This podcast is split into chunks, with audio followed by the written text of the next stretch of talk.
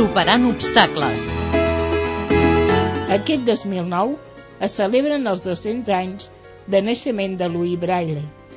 Aquest jove francès, nascut el 1809, quan tenia només 20 anys, va començar a treballar en un sistema de punts i combinacions dels mateixos per aconseguir llegir i escriure com qualsevol persona sense discapacitat visual.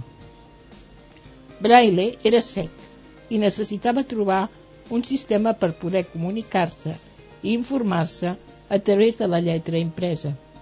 En quatre anys va treballar la combinació del que ara coneixem com sistema Braille.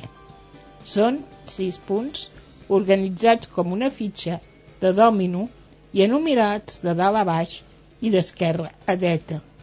Cada combinació, d'un total de 63, dona la informació d'una lletra, un número o un signe de puntuació. Un segle després d'aquest invent, es continua utilitzant arreu del món i ha aconseguit superar la incomunicació de moltes persones amb discapacitat visual en la societat actual. Avui en dia és cada vegada més freqüent trobar medicaments amb nom i les especificacions en aquest llenguatge.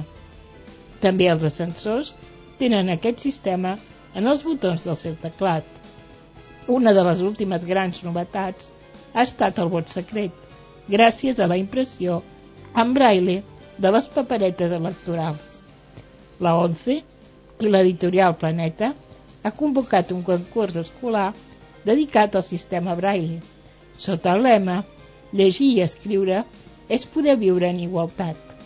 Les bases d'aquest concurs les podeu trobar a la pàgina web www.planetalector.com Montse Pous, periodista.